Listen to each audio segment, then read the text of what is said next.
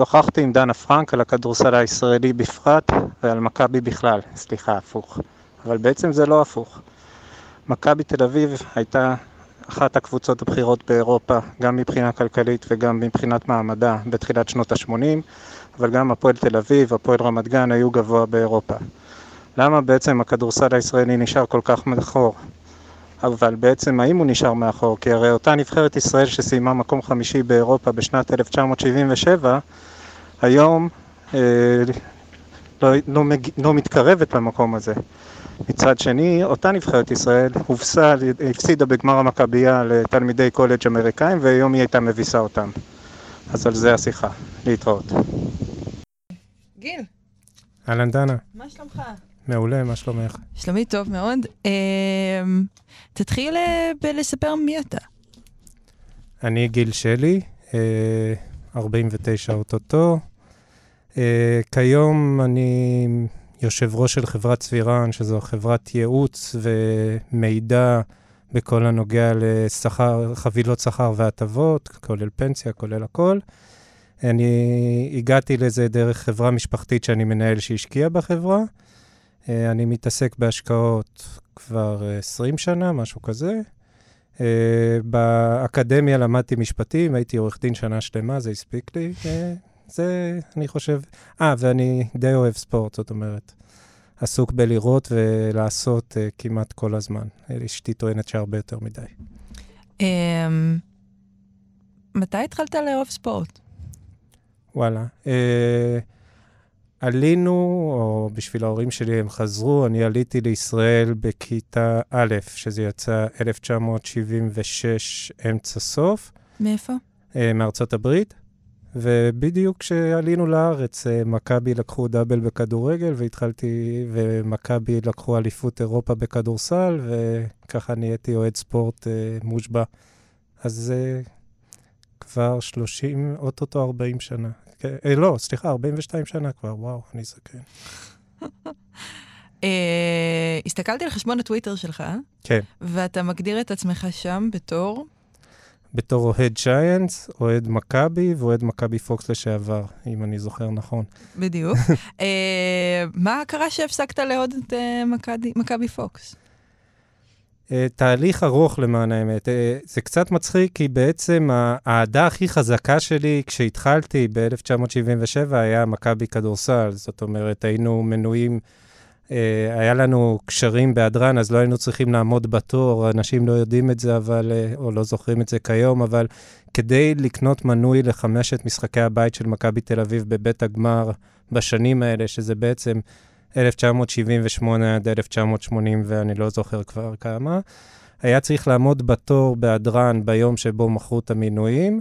עמדו שם שעות בתור וחיסלו את כל המינויים לכל השנה.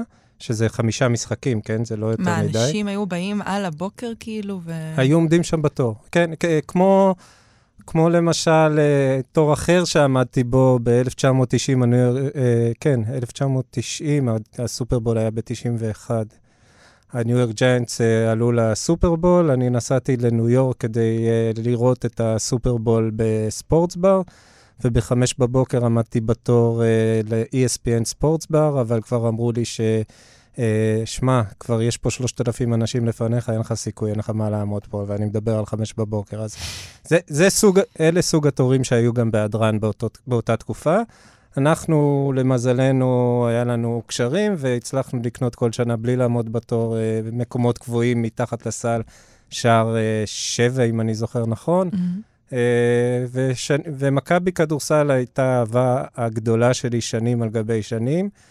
איפשהו אחרי הצבא, ככה, עדיין הייתי מאוד מחובר, נסעתי לפיינל פורים והכול, אבל כבר פחות הרגשתי חיבור רגשי ממש עמוק, והחיבור הרגשי שלי לכדורגל ולפוטבול היה הרבה יותר גדול.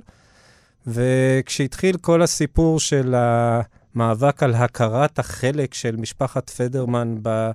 אה, כמה שאנחנו חייבים לה תודה על ההישגים של מכבי ודייוויד בלאט למשל פחות, אז אותי זה התחיל... אה, אני לא מכיר תופעה כזאת בעולם שבעלים אה, אה, לא מסתפקים בהישגים של הקבוצות שלהם, אלא דורשים הכרה ב, בדבר הטוב שהם עושים, ו, וזה... ב, איפשהו הרחיק אותי מאוד מהקבוצה, הרחיק אותי, אני כבר לא מרגיש... בתקופה הראשונה ממש תיעבתי את הקבוצה. אה, זאת אומרת, זה לא שאתה, כאוהד ספורט, מי שאוהד ספורט יודע, זה לא שאני יכול לבחור עכשיו להיות אוהד הפועל ירושלים, יש לי פשוט וויד. אבל כל כך כעסתי, אז ממש ייחלתי לכישלונות של הקבוצה.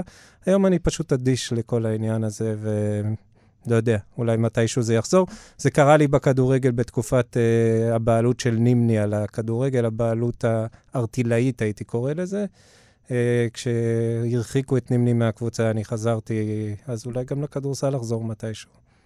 מה, מה קרה אבל שהתחיל... Uh, זאת אומרת, איך התחיל איך זה נראה שמשפחת פדרמן התחילה לבקש הוקרה על מאמציה כבעלים של מכבי תל אביב?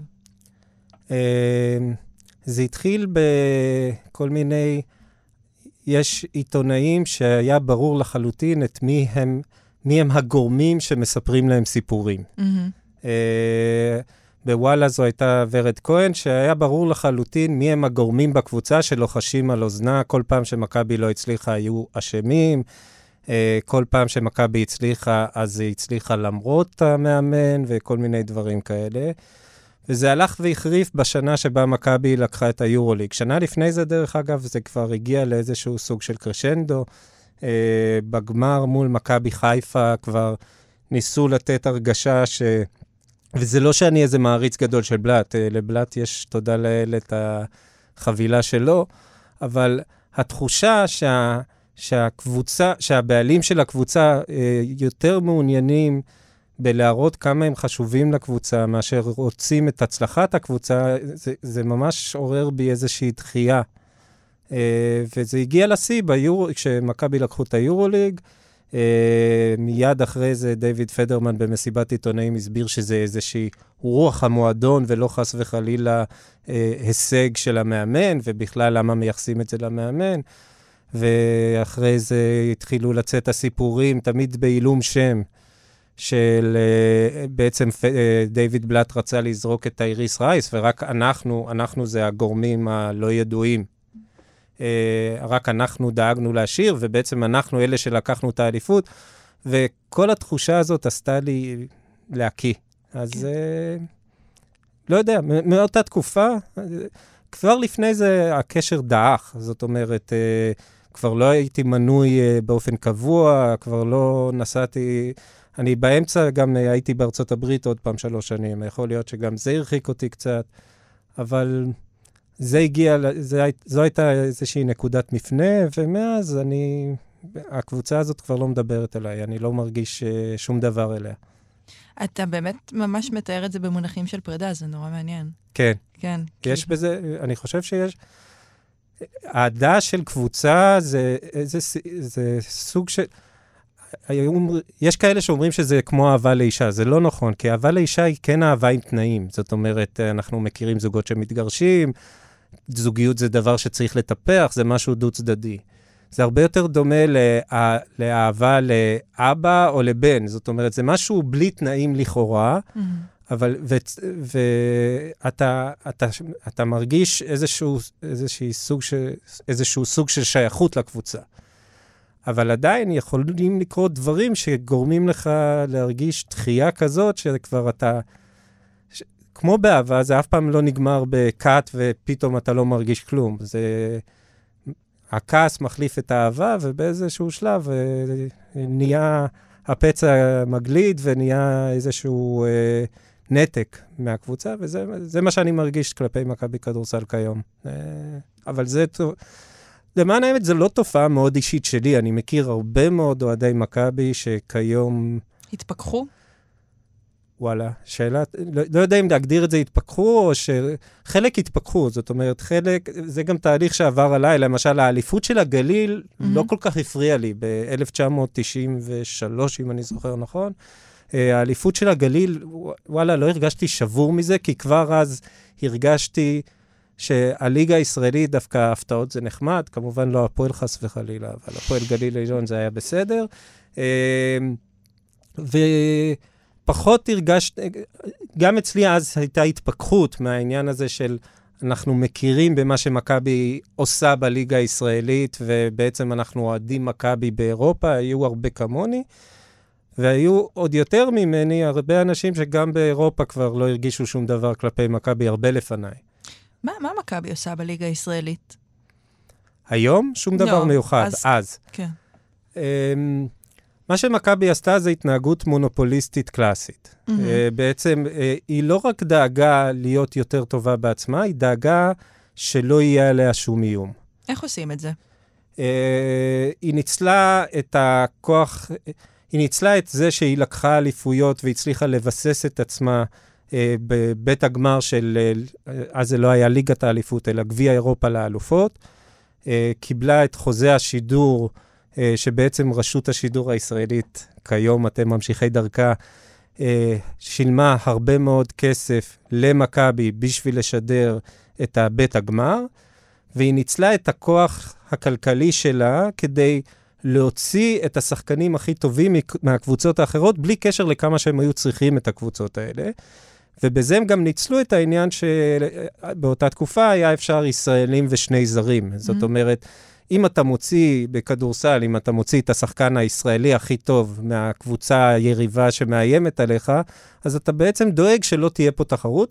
הם דאגו לזה בדרכים נוספות כנראה. אני לא רוצה להיכנס לזה יותר מדי, כי אליי זה פחות מדבר, אבל uh, הם עשו את זה בהרבה מאוד דרכים. זאת הדרך הבולטת, אם אנחנו יכולים לזכור טוב את חנן קרן, זו הייתה דוגמה נפלאה של שחקן שאיים עליהם לכאורה, מהמם. ומכבי לקחו אותו והושיבו אותו על הספסל, לא כדי שהוא יחליף את מיקי ברקוביץ', כי באותה תקופה שיחקו שישה, שבעה שחקנים, החמישייה שיחקה כמעט 40 דקות. שחקנים היו יוצאים רק אם היו מקבלים חמש עבירות. אז חנן קרן פשוט לא זכה לשחק במכבי, ומכבי לא לקחו אותו כדי שהוא יהיה, באמת יהיה מחליף לעמדה של מיקי ברקוביץ', אלא לקחו אותו כדי שהוא לא ישחק אז בהפועל רמת גן. אה, וזה היה סוג של... מכבי דאגה שהתחרות שלה לא תהווה אליה איום, כדי שהיא תוכל להמשיך לשחק באירופה. ודרך אגב, באירופה למכבי היה כוח כלכלי משמעותי. אה, זאת אומרת, מכבי, אנשים אה, מסתכלים על המצב היום ורואים מכבי שהיא מאוד אה, באמצע, נגיד, של היורוליג מבחינת התקציב שלה. מהמם. באותה תקופה, התקציב, שזה סוף שנות ה-70 התקופה? באותה תקופה זה סוף שנת ה-70, תחילת שנות ה-80. מהמם. אה, זה לא היה כל כך עניין של כוח כלכלי, כי, כי זה לא התנהל כעסק. רק לשם ההמחשה, מיקי ברקוביץ' היה השחקן שקיבל הכי הרבה כסף במכבי והיה השחקן הישראלי הכי אה, חזק במכבי. היה לו חנות בדיזינגוף ביחד עם מוטי ארואסטי, כי הוא לא יכל להס... לדאוג לעצמו כלכלית אה, בכך שהוא היה האיש שמשתכר הכי הרבה במכבי. הוא היה חייב שיהיה לו עוד הכנסה חוץ מזה. הייתה לו חנות אה, מאוד גדולה לדברי ספורט בדיזינגוף, אני זוכר שהוא עבר מצד אחד של דיזינגוף לצד השני, אחרי זה הפך להיות סוכן ביטוח.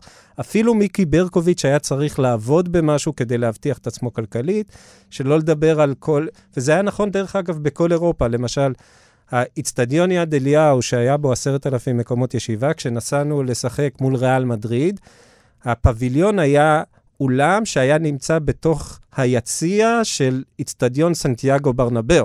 זאת אומרת, והיו שם אולי 5,000 מקומות ישיבה, הסלים היו תלויים מהתקרה, ושם עוד היה פרקט.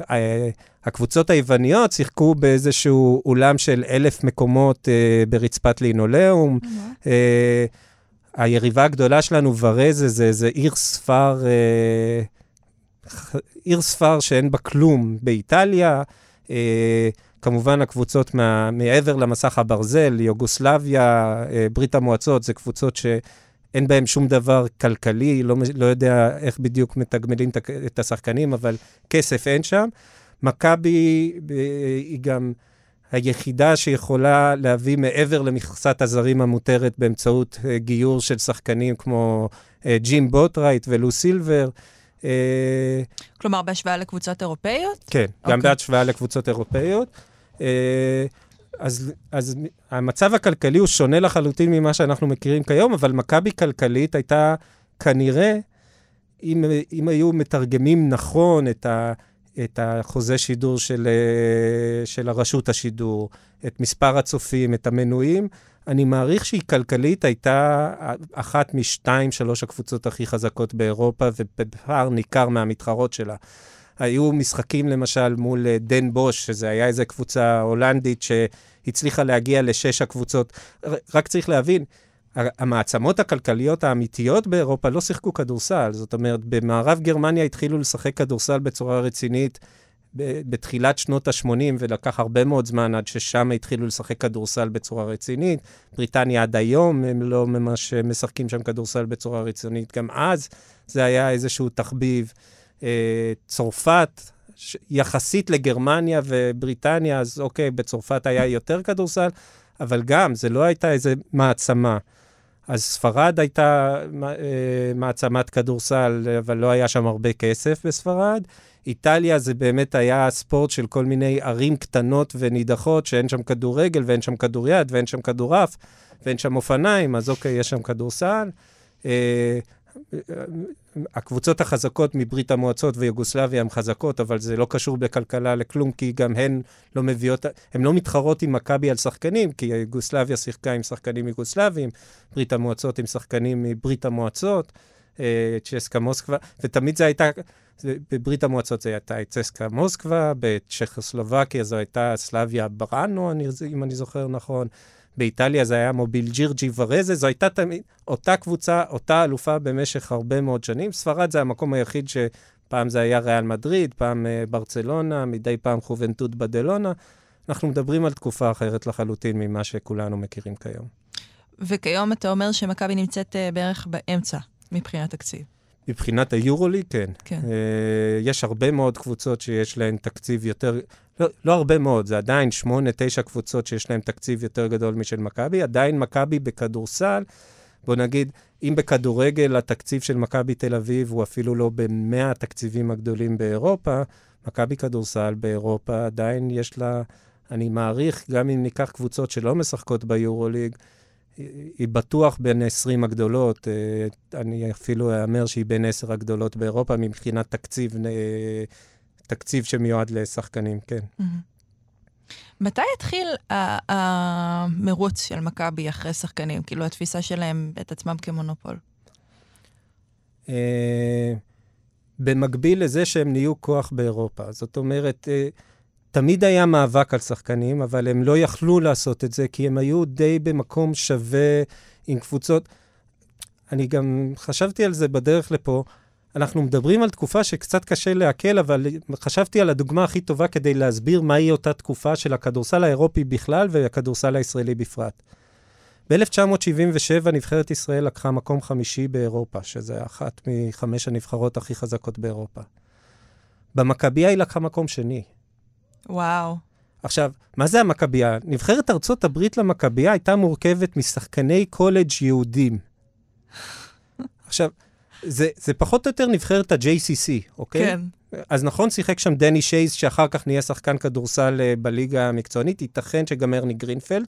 שניהם היו ילדים עדיין, והם עם עוד שלושה, ארבעה, חמישה אמריקאים יהודים, שאי אפשר להגדיר אותם בשום דבר אחר חוץ מחובבנים, ניצחו את נבחרת ישראל שסיימה מקום חמישי באירופה. כדי להבין מה זה כדורסל באירופה, אני חושב שזאת ההמחשה הכי טובה. כשה, כשאומרים היום שהכדורסל שלנו לא איפה שהוא היה אז, אז היום, אם יהיה, אם נבחרת ישראל, נשלח את נבחרת ישראל האמיתית למכבייה, היא תנצח את נבחרת ארצות הברית ב-50 הפרש לדעתי. כן? כן. למה אתה חושב? כי, כי נבחרת ארצות הברית למכבייה נשארה באותו מקום, זה איזשהו תחביב של החבר'ה מה-JCC. Uh-huh. אה, הכדורסל פה התקדם מאוד, רק מה, כמה שהוא התקדם פה, הוא נהיה בעקבות, אה, מה, בעקבות ההצלחה האדירה של ה-NBA בשנות ה-80, ש... ואולימפיאדת אה, ברצלונה ב-92, הכדורסל האירופי התקדם בקפיצות מטורפות, והכדורסל הישראלי מאוד רחוק מאחוריו. Mm.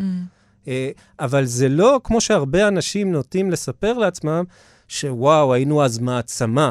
היינו מעצמה בכדורסל, שבאופן כללי כדורסל היה הרבה הרבה מתחת לכדוריד.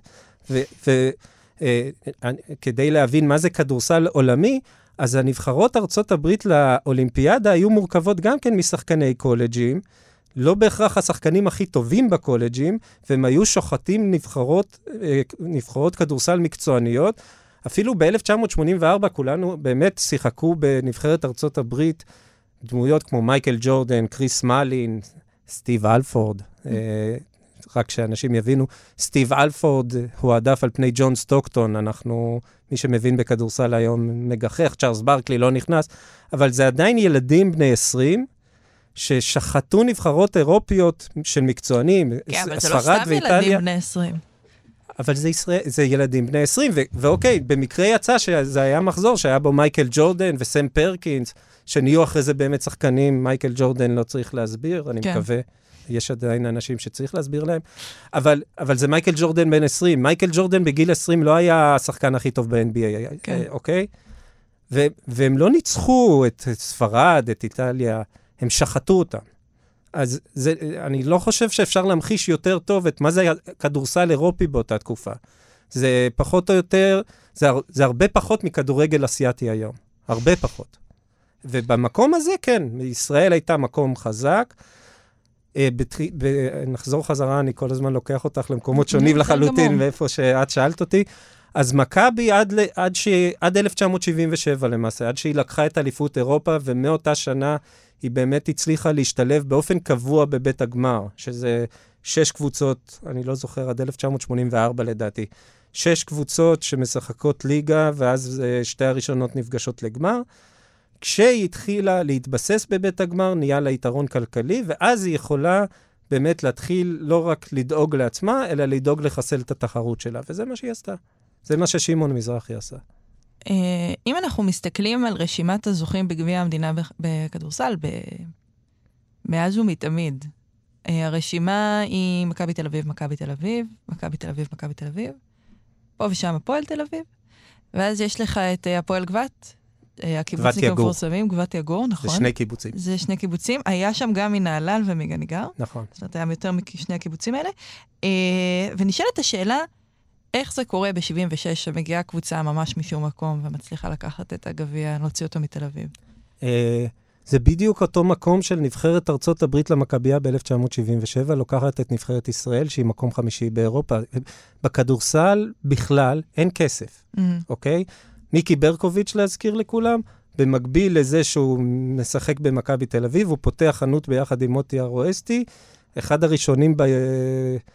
אחד הראשונים בעולם שהיה לו מותג של המספר שלו. הוא, הוא באמת, אנשים לא יודעים להעריך עד כמה מיקי ברקוביץ' הוא מקצוען בכל דבר ודבר, זה פשוט, הוא ראה דברים 30 שנה לפני אחרים.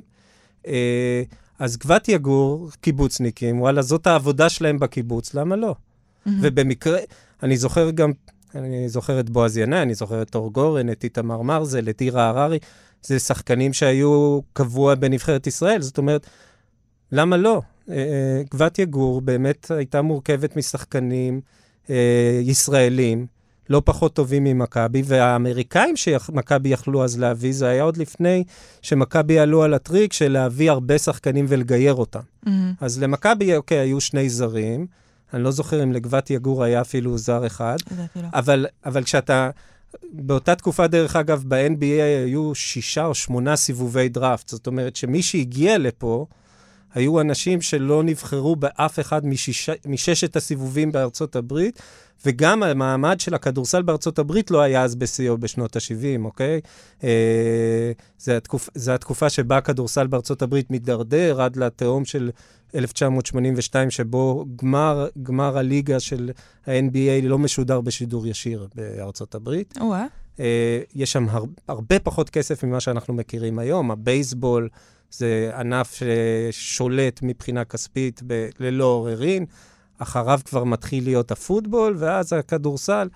זאת אומרת, כל העניין הזה בכל העולם היה מאוד מאוד חובבני. כדורסל הוא ענף באירופה הרבה אחרי אופניים, כדוריד, כדורעף, אה, אני לא יודע מה. אז כן, במצב של חובבנות, אה, היום למשל משתכרים הרבה יותר ישראלים מכדורסל בהשוואה גם לשנות ה-70, שבו היינו מקום חמישי ואחרי זה מקום שני באירופה. אה, אז גבת יגור, למה לא? אה, קיבוצניקים, שזאת העבודה שלהם, וואלה, הם יכלו להיות מקצוענים יותר מהשחקנים של מכבי והפועל. כי הם היו יכולים להרשות לעצמם להקדיש יותר זמן לאימונים. כן. אה, לא שהם היו צריכים, כן? כי בכל הענף שיחקו, שיחקו פעם בשבוע, מכבי שיחקה גם באירופה, אז פעמיים בשבוע. היה אימונים לא כל יום, אימון אחד ביום. אה, לא צריך להיסחף יותר מדי מה עשו אז באימונים. כן. כושר גופני זה לא משהו שאז בכלל... עוד פעם, מיקי ברקוביץ' שהקדים את זמנו, אני זוכר אותו קופץ על חבל ומתחרה. היו אז תחרויות של הוא התחרה אז באילת, היה תחרות לכל מיני, הגיע לשם יופ זוטמל כשהגיע מקום שני בטור דה פרנס, אז הם התחרו בלעשות מקבילים, בלקפוץ על חבל, בכל מיני דברים כאלה. מיקי ברקוביץ' אולי היה היחיד, וגם כן, כי הוא היה בארצות הברית לפני זה, ש, שהתעסק עם כושר גופני בצורה רצינית, וזה בעצמו, הוא לא היה לו איזה מאמן אישי. או משהו כזה. כל הדבר הזה הוא מאוד מאוד מאוד חובבני, ובחובבנות אין לי... אה, למכבי לא היה יתרון. Mm-hmm. התחיל להיות לה יתרון כשהיא הצליחה להשתלב בבית הגמר, כשהיא התחילה להביא לפה אמריקאים שלא לא נבחרו בדראפט אה, באף אחד מששת הסיבובים, אה, לגייר אותם, אה, ואז גם אה, לנצל את הכסף כדי למשוך, אה, כדי להוציא את, התח... את התחרות שלה מה, מה, מהתמונה. דרך אגב, בתחילת שנות ה-80, הפועל תל אביב, הפועל גבת יגור, הם היו כוחות באירופה, בגביע קוראץ' הם הגיעו למקום אה, לא זוכר, חצי גמר.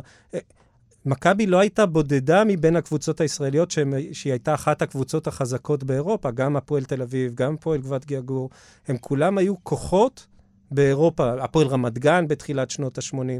הם, הם היו, אם היו עושים דירוג קבוצות אירופי, אני מעריך שהפועל רמת גן, אה, שהתחרתה בצורה רצינית עם מכבי, למרות כל מה שמכבי עשו כדי לפרק את התחרות, אז הפועל רמת גן בתחילת שנות ה-80, אני מעריך, הייתה בין עשר הקבוצות הכי טובות באירופה.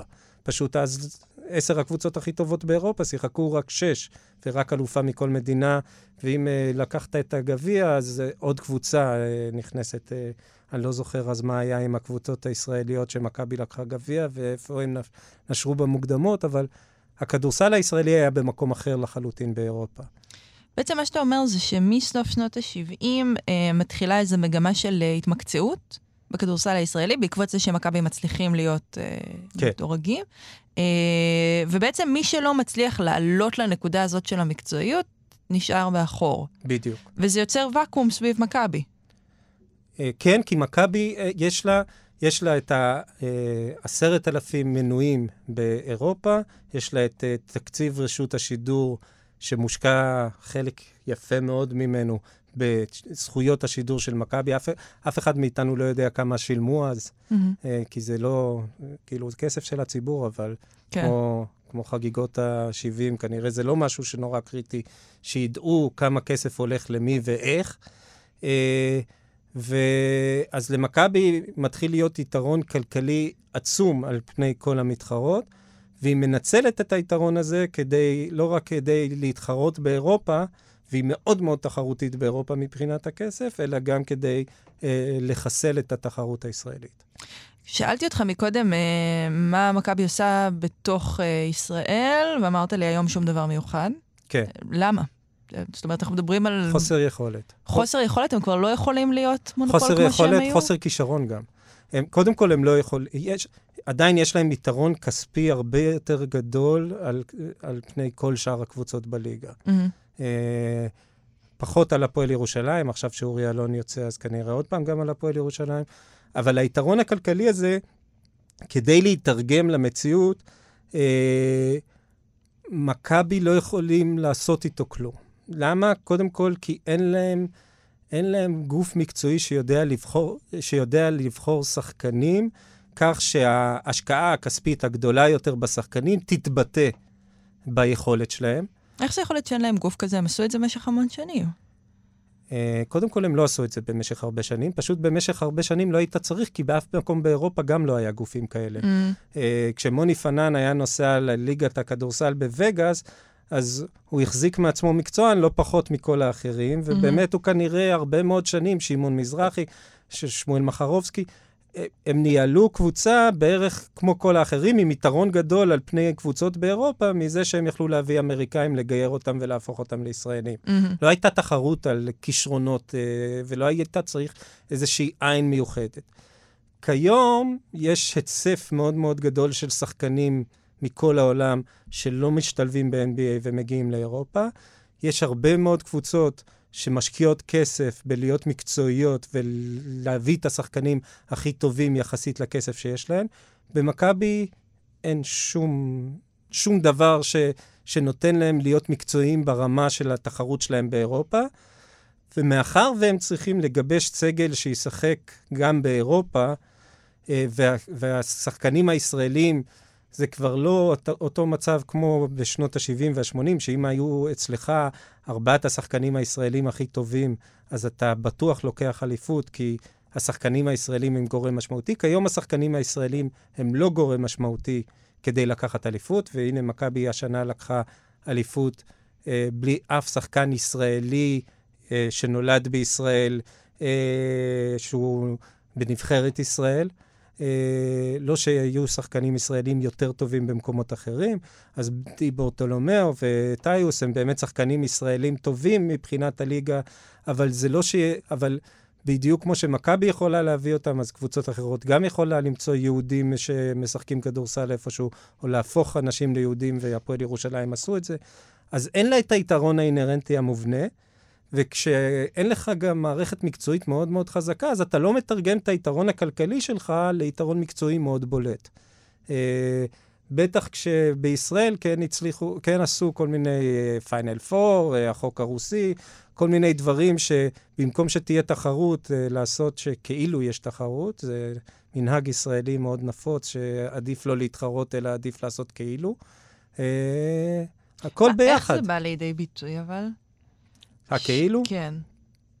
החוק הרוסי בעצם, מה שהוא עושה, זה שהוא גורם לקבוצות לשחק לא לפי היכולת המקצועית שלהם. כשמאמן צריך להחליט על שניים שישחקו בחמישייה בגלל התעודת זהות שלהם ולא בגלל היכולת שלהם. בכל רגע נתון. בכל רגע נתון.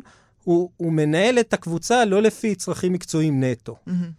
עכשיו, זה נחמד כדי להוריד את הרמה של כולם, שזה מה שזה עושה, החוק הרוסי למעשה. הוא מוריד את הרמה של כל הקבוצות. כשאתה מוריד את, כל, את הרמה של כל הקבוצות, זה בעצם ההפך מתחרות. כי בעצם, מה שתחרות עושה, זה שהכי טוב מושך אחריו את האחרים, בתנאי שהוא לא מכבי תל אביב, בתנאי שהוא לא מחסל את המתחרים שלו, אלא משקיע בעצמו כדי שהוא יהיה הכי טוב. למשל, רואים את זה בכדורגל הישראלי. Mm-hmm. Uh, הקבוצות הכי טובות מושכות אחריהם קבוצות אחרות שיתחילו לנהוג במקצוענות כמותן, ואז יש תחרות. ואז גם היתרון הכלכלי של מכבי תל אביב כדורגל לא בא לידי ביטוי, כי הפועל באר שבע מצליחים ל- ללמוד לעשות את הדברים שלהם, לעשות התאמות ולהתחרות במכבי בלהיות יותר טובים. הכדורסל הישראלי הלך על פתרון הפוך. בואו נעשה שכולם יהיו יותר גרועים, ואז יהיה כאילו שוויון. אוקיי? זה, זה עדיין חשיבה מאוד, אה, מאוד קומוניסטית, זה אפילו לא סוציאליסטית. זאת אומרת, זה סוג של שוויון שנועד לקבע מעמד של מישהו שלא קשור בכלום להישגיות. Mm-hmm. זה, זה, זה פוליטיקה. ובפוליטיקה אנחנו טובים בכדורסל, ובפוליטיקה אה, אתה יכול לקדם הרבה דברים, אתה לא יכול לקדם הצטיינות אמיתית. וזה מה שקורה בכדורסל.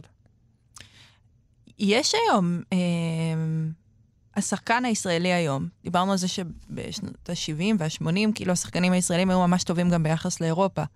אבל צריך לזכור ביחס לאיזה אירופה. זהו. אז כאילו, השאלה היא האם עכשיו, שכל הכדורסל העולמי, ואני גם אשמח אם תגיד כמה מילים על איך זה קרה בארצות הברית, אה, אבל כשאנחנו יודעים שכל הכדורסל העולמי עשה וואחד קפיצת מדרגה לכיוון מקצועי מאוד, השחקנים הישראלים בעצם נשארו מאחור?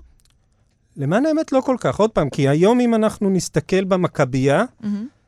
הם ינצחו את נבחרת ארצות הברית למכבייה, שהיא בערך באותה רמה של נבחרת ארצות הברית למכבייה ב-1977 ו-1981, שבה נבחרת ארצות הברית, ב-77 הם לקחו, ב-81 נדמה לי הם הפסידו בנקודה למיקי ברקוביץ' בשנייה האחרונה, שתי קליעות עונשין, היה גם שיפוט ביתי, כן? שלא נתבלבל. כן. אז הנבחרת JCC האמריקאית, אז אוקיי, ווילי סימס נשאר פה ודייוויד בלאט נשאר פה, אבל נבחרת ה-JCC האמריקאית עדיין אתגרה את מקום שני באירופה. כן. אוקיי? Uh, היום נבחרת JCC אמריקאית תבוא לפה ותחטוף 50 הפרש בראש משחקנים ישראלים שאנחנו אומרים, וואו, הם לא מספיק טובים. אז בואו ניקח עוד כמה דברים להמחיש שהמצב של הכדורסלן הישראלי, הוא לא נשאר תקוע במקום, בפירוש לא. למשל, הנבחרת הנוער של מיקי ברקוביץ', אה, אני לא זוכר, נדמה לי שההישג השיא שלהם היה מקום חמישי.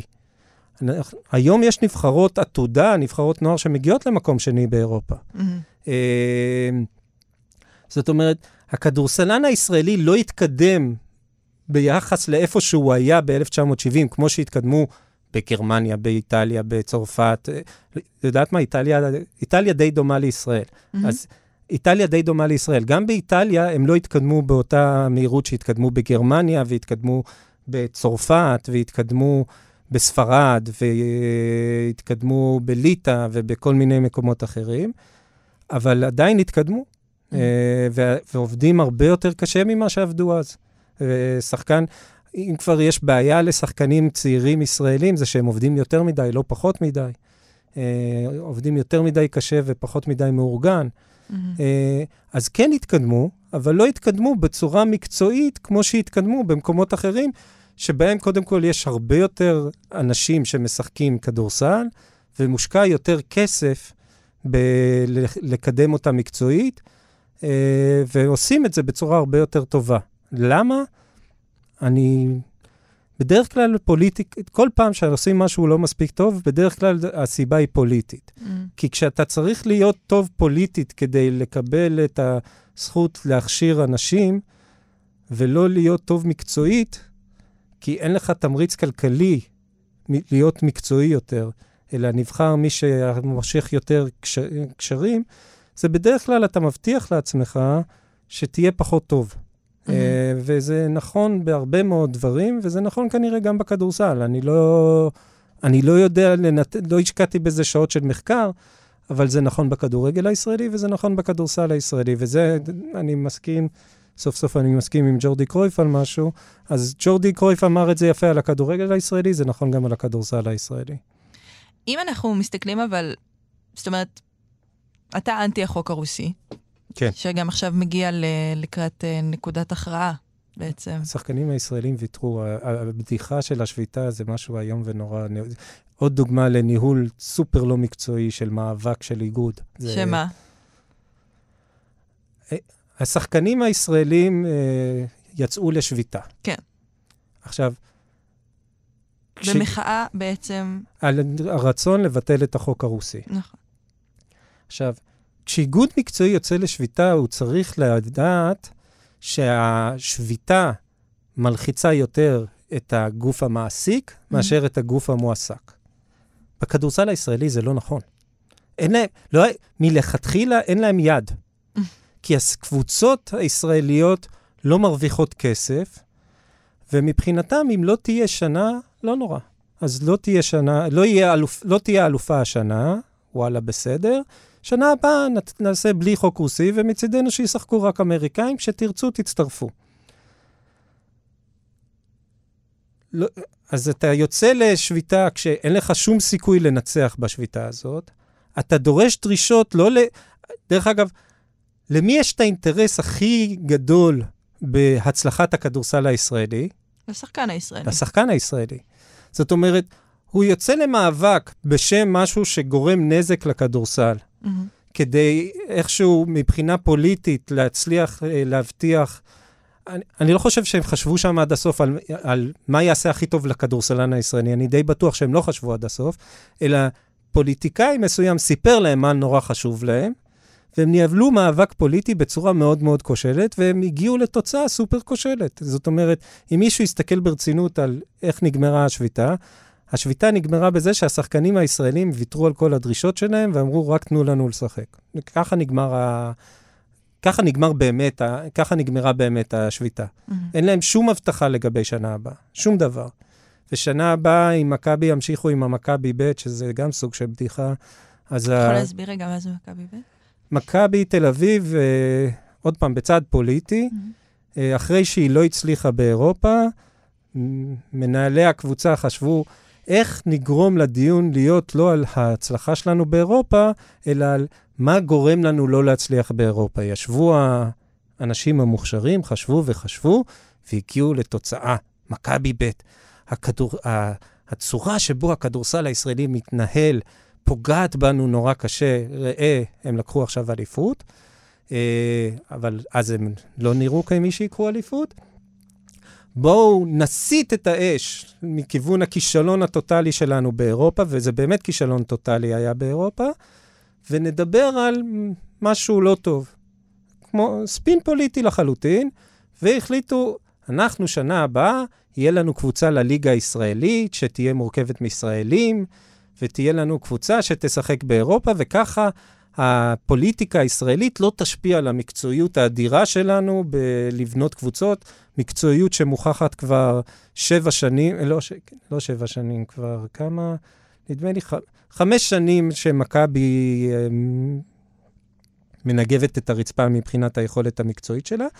אז עכשיו, אותם גורמים מקצועיים, דרך אגב, הם משוחררים ממה שגרם להם להרכיב קבוצות לא טובות, וזה כנראה הפוליטיקה הישראלית.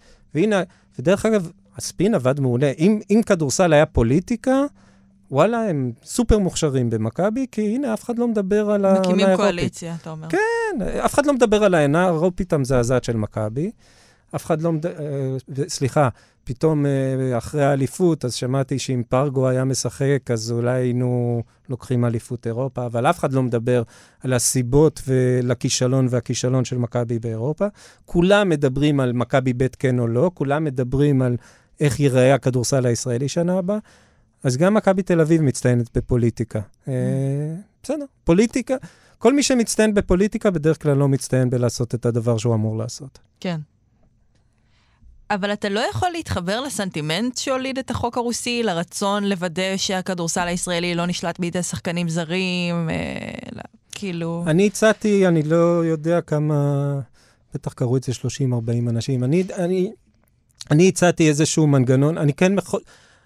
יש את העניין של המיסוי, אוקיי? Mm-hmm. אז נכון, שחקן אמריקאי זר שמגיע לפה, אתה יכול... הוא עולה לקבוצה שלו הרבה פחות משחקן ישראלי, גם אם הוא מקבל את אותו כסף. כן. אז יש פה משהו, תחרות לא הוגנת, אני מסכים. אני, אילו הייתי איגוד השחקנים, כן הייתי יוצא למאבק, אבל איזה מאבק הייתי יוצא? הייתי יוצא למאבק לשיפור הענף. איך אפשר לשפר את הענף? אפשר לנסות לדאוג לבנות את הכדורסל בצורה יותר מקצועית. למשל, להסתכל מה קרה בליגות הספורט האמריקאיות, ששם האינטרס של הקבוצות להרוויח כסף גרם להם לארגן את הליגה בצורה כזאת שתהיה תחרותית. אה, ו, ובאמת, מאותו רגע, למרות, כולם מדברים על סוציאליזם, זה הדבר הכי קפיטליסטי שיש, התקרת שכר בארצות הברית. כי בזכות התקרת שכר, שהיא דרך אגב מחושבת לפי אחוז השתתפות של השחקנים בהכנסות של הליגה. Mm-hmm. זאת אומרת, של השחקנים, זה קפיטליזם במיטבו, ש, שהוא דואג לכל ה... סטייק הולדרס בענף. השחקנים, ככל שההכנסות של הליגה יגדלו, התקרת משכורות תעלה, ויותר שחקנים ירוויחו יותר כסף. לדעתי, הם מקבלים 60% מהכנסות הליגה, חוץ ממכירת כרטיסים או משהו כזה. אה, ואת ה-60% זה התקרה, מחלקים לקבוצות. אז במקום לנסות לחשוב על מנגנון שידאג שיהיו יותר הכנסות בכדורסל הישראלי, ושהוא ינוהל בצורה יותר מקצועית, ושלא יהיה את הפרטאט שיש היום. אז למשל, להגביל, ההצעה שלי הייתה, בואו נעשה מדרגות שכר, שכר mm-hmm. מינימום. ששחקנים עם עד שנת, שנת ניסיון אחת או עד שנתיים ניסיון בליגה, המינימום שירוויחו יהיה X. ושנתיים עם, ושחקנים עם שנתיים עד ארבע שנות ניסיון, המינימום שירוויחו הוא Y. ושחקנים זרים, אין בעיה, אל תשוו את המיסוי, לא צריך לעשות חקיקה מיוחדת לספורט. כי דרך אגב, זה לא רק בכדורסל שחקנים זרים לא משלמים. בכל מדינה שיש לנו הסכם, אה, אמנת מס איתה, העובד הזר לא ישלם מס פה, אלא ישלם מס בארץ שלו, כל מיני דברים כאלה. אז בואו נעשה שהשחקנים הזרים ש, שמגיעים, תביאו, אבל המינימום שתשלמו להם יגלם בפנים גם את ההטבת מס שיש. Mm-hmm. ואז, ואז לא יהיה לקבוצות אינטרס כלכלי להביא בזול שחקנים זרים שלא בהכרח יהיו טובים. ואם אתה תצטרך להרכיב את הקבוצה, גם בהתחשב בשיקולים כלכליים, אז אתה לא תוכל למלא אותה ותעשה מינימום, שכר מינימום לשחקן זר, שיגלם את ההטבת מס בפנים. אתה לא תוכל להביא עשרה זרים, גם אם לא יהיה חוק רוסי, כי פשוט כסף לא יהיה לך לעשות את זה. כן. ו- ואם אתה מרכיב את זה משיקולים כלכליים, אז מי שירכיב את זה ייאלץ להשקיע מחשבה, ולא, טוב, יאללה, ת, תביא לי ב... תביא לי 20 בשקל. כן. שזה מה שקורה היום. כן. זה מה שקורה היום. שום דבר לא מתנהל בצורה מאוד מאוד מקצועית ברמה של לנהל קבוצות. כמעט אף קבוצה לא מנוהלת בצורה ממש מקצועית, כי, כי אין כסף לזה. כי אין כסף לזה. אה, אבל זה גם עניין של סדר עדיפויות. נכון. אם אתה רואה שמה שעובד זה חוק המספרים כן. הגדולים, להביא כמה שיותר שחקנים ואולי אתה פוגע, אז... אה, ועוד פעם, צריך לזכור את הגורם לזה מלכתחילה, כי בעצם הענף הולך ל... בואו נוריד את הרמה של כולם, ואז יהיה שוויון. כש, כשאתה, כשאתה מלכתחילה מכוון על להיות פחות טוב, אתה מצליח, זה נורא קל להיות פחות טוב. אתה רק צריך לבט... לרצות להיות פחות טוב, ואתה מצליח. וזה מה... הכדורסל הישראלי השיג מאוד יפה, הגשים את כל המטרות שהקברניטים שלו רוצים כבר מזה הרבה שנים.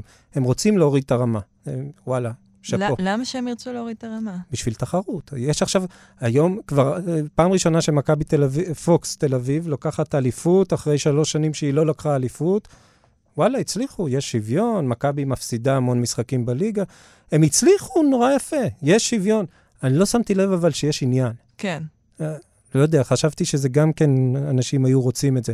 אם נסתכל על כמה אנשים, כמה אנשים באים לכדורגל הישראלי, שהוא לא איזה שהוא דוגמה לכל העמים, אה, זה לא תורה של משה. כן. כן.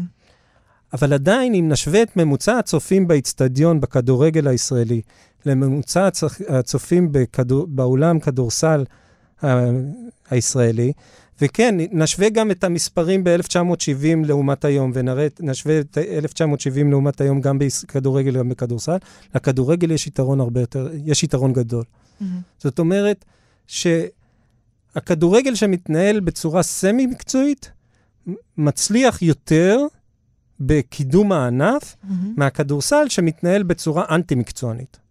אז uh, בסדר, אנחנו עוד פעם למדים ש... כמה שאתה יותר פוליטיקאי, ככה אתה פחות מצליח. אה, מתישהו השיעור הזה יגיע לכולם, אני מקווה. אתה דיברת על אנשים שאתה מכיר שהם כמוך, שהם uh, התפכחו מהאהבה הגדולה למכבי. Uh, היום כשמכבי משחררים את המנועים ביום הראשון, יש תור בהדרן? אין, אין היום לשחרר את המינויים, כי מכבי מנסה למכור מינויים לשנה הבאה כבר מאפריל השנה. וזה לא עובד.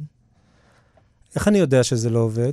קודם כל אני יודע. דבר שני, הם לפני הגמר של הפיינל פור ניסו לעשות התניה, להגיד, יק... מי שיקנה מנוי לשנה הבאה, רק הוא יוכל לקנות כרטיס לפיינל, לגמר של הפיינל פור. וואה. כן. אה, זה לא הצליח להם. אני לא יודע כמה מנויים הם מכרו. אין לי... לא שאלתי את הצינור הישיר שיש לי, אה, כמה מנויים נמכרו. אני יודע שלא נמכרו עדיין עשרת אלפים מנויים לשנה הבאה. אני אסתכן ואומר שלמרות כל המאמצים שהם יעשו, הם לא ימכרו גם 9,000 מנויים לשנה הבאה. כי העם מאס בהם? קודם כל, זה לא העם. אה, אה היא הייתה הקבוצה של המדינה המון שנים. נכון, כשהיא הייתה הקבוצה היחידה שהתחרתה באירופה, הקבוצה היחידה שראינו אותה משחקת כדורסל, הרי קבוצות אחרות לא ראינו בטלוויזיה. לא mm. ראינו. לא, לא ראי, היינו רואים את הגמר של הכדורסל הישראלי, היה ערוץ אחד, לא היה לו זמן, הזמן שלו לספורט הושקע במכבי תל אביב כדורסל. אז היא הייתה הקבוצה של המדינה, היא כבר הרבה מאוד שנים לא הקבוצה של המדינה.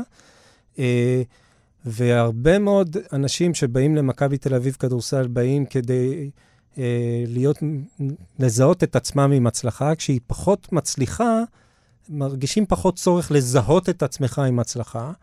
אה, ומכבי לא סתם פחות מצליחה, היא לא מצליחה באירופה.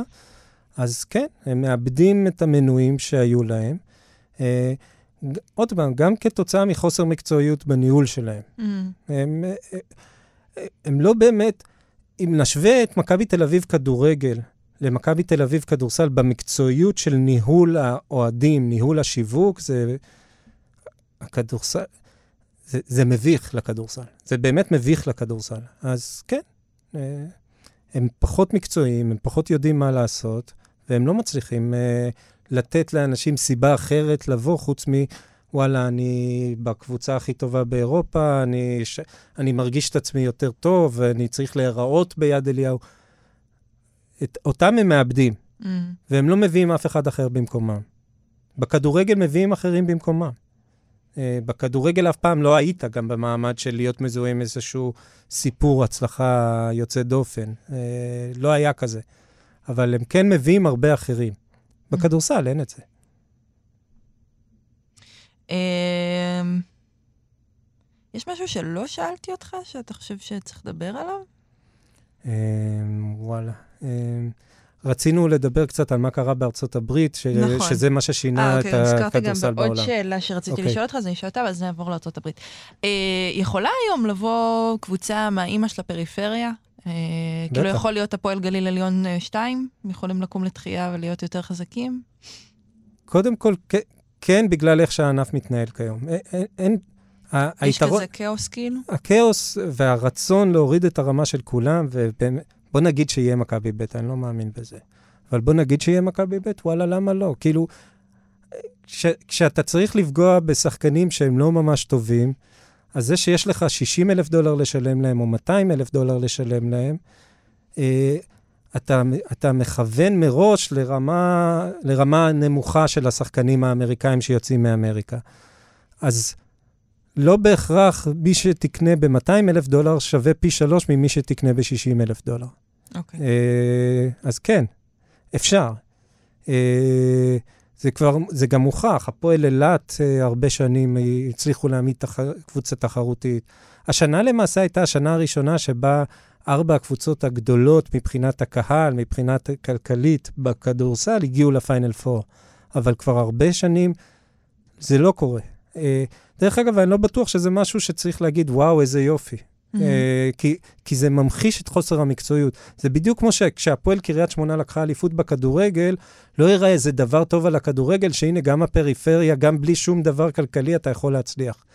זה מראה שאתה כל כך לא מקצועי, כל כך לא טוב, שגם מישהו ש... שמגרד את הרצפה יכול להצליח. Mm. אז אני, זה, זה נורא רומנטי, אבל אין בזה שום דבר טוב. מצטער. לא, זה בסדר, זה טוב שאתה אומר. אה, אז תגיד רגע, מה קרה בארצות הברית? מה שקרה בארצות הברית זה שב-1983 דיוויד סטרן, נדמה לי, אני, זה הכל מהזיכרון שלי, אני כבר זקן, אז אני זוכר הרבה פחות טוב ממה שכשהייתי צעיר, אבל דיוויד סטרן התמנה להיות ה commissioner של הליגה במשבר עצום. אה, במקביל, אה, מייקל ג'ורדן אה, גם אה, הגיע לפרקו בקולג'. דרך אגב, הוא היה שנתיים בקולג' בנורת קרוליינה. אחרי שנתיים הוא לקח את המדליית זהב באולימפיאדה והיה השחקן הכי טוב, למרות שרלף קליין בזמנו אמר שקריס מלין זה השחקן הכי טוב בנבחרת ארה"ב. קצת, אה, רלף, סליחה. אה, אז אה, מייקל ג'ורדן הגיע לליגה, אה, ובנייקי עלו על הרעיון הזה של ה... עם מייקל ג'ורדן על Nike Air Jordan, ודייוויד סטרן, היה לו את מג'יק ולארי, והוא הפך את הליגה מקבוצות שמתחרות אחת בשנייה למג'יק נגד לארי, בואו תראו. והכדורסל התחיל להתרומם. אה, כשהוא התחיל להתרומם, בזכות השחקנים, שבאמת זה סוג של מזל, אבל זה סוג של גאונות של דיוויד סטרן להבין שבואו ניקח את הנכס שלנו ונמנף אותו. ואז ה-NBA כבר התחיל להיות ממונף, אה, התחיל להתקדם, אז, אז גם היו הראשונים להכניס את תקרת השכר, אה, ונהייתה ליגה הרבה יותר תחרותית. אה, התחרותיות של הליגה משכה הרבה עניין, וב-1992 הצעד הכי גדול של דיוויד סטרן היה נבחרת החלומות לאולימפיאדה, וזה בעצם מה שעשה בום ענק, כי גם מדינות באירופה שכדורסל לא עניין אותם, מייקל ג'ורדן כבר היה אייקון שאפילו בסין ידעו מי זה, למרות שבסין אף אחד לא שיחק כדורסל באותה תקופה. והם הסתובבו שם בכפר האולימפי כמו אלים, ובצדק, כי הם היו, זה, הייתה, זה היה איזשהו דור זהב של שחקנים, אה, ו, וזה נכנס לכל אירופה.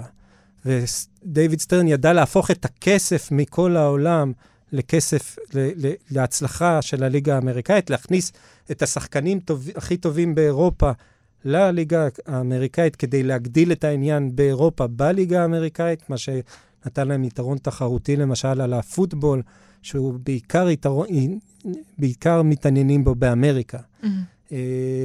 גם על הבייסבול, uh, הבייסבול גם עבר בזמנו את המשבר של השביתה של השחקנים.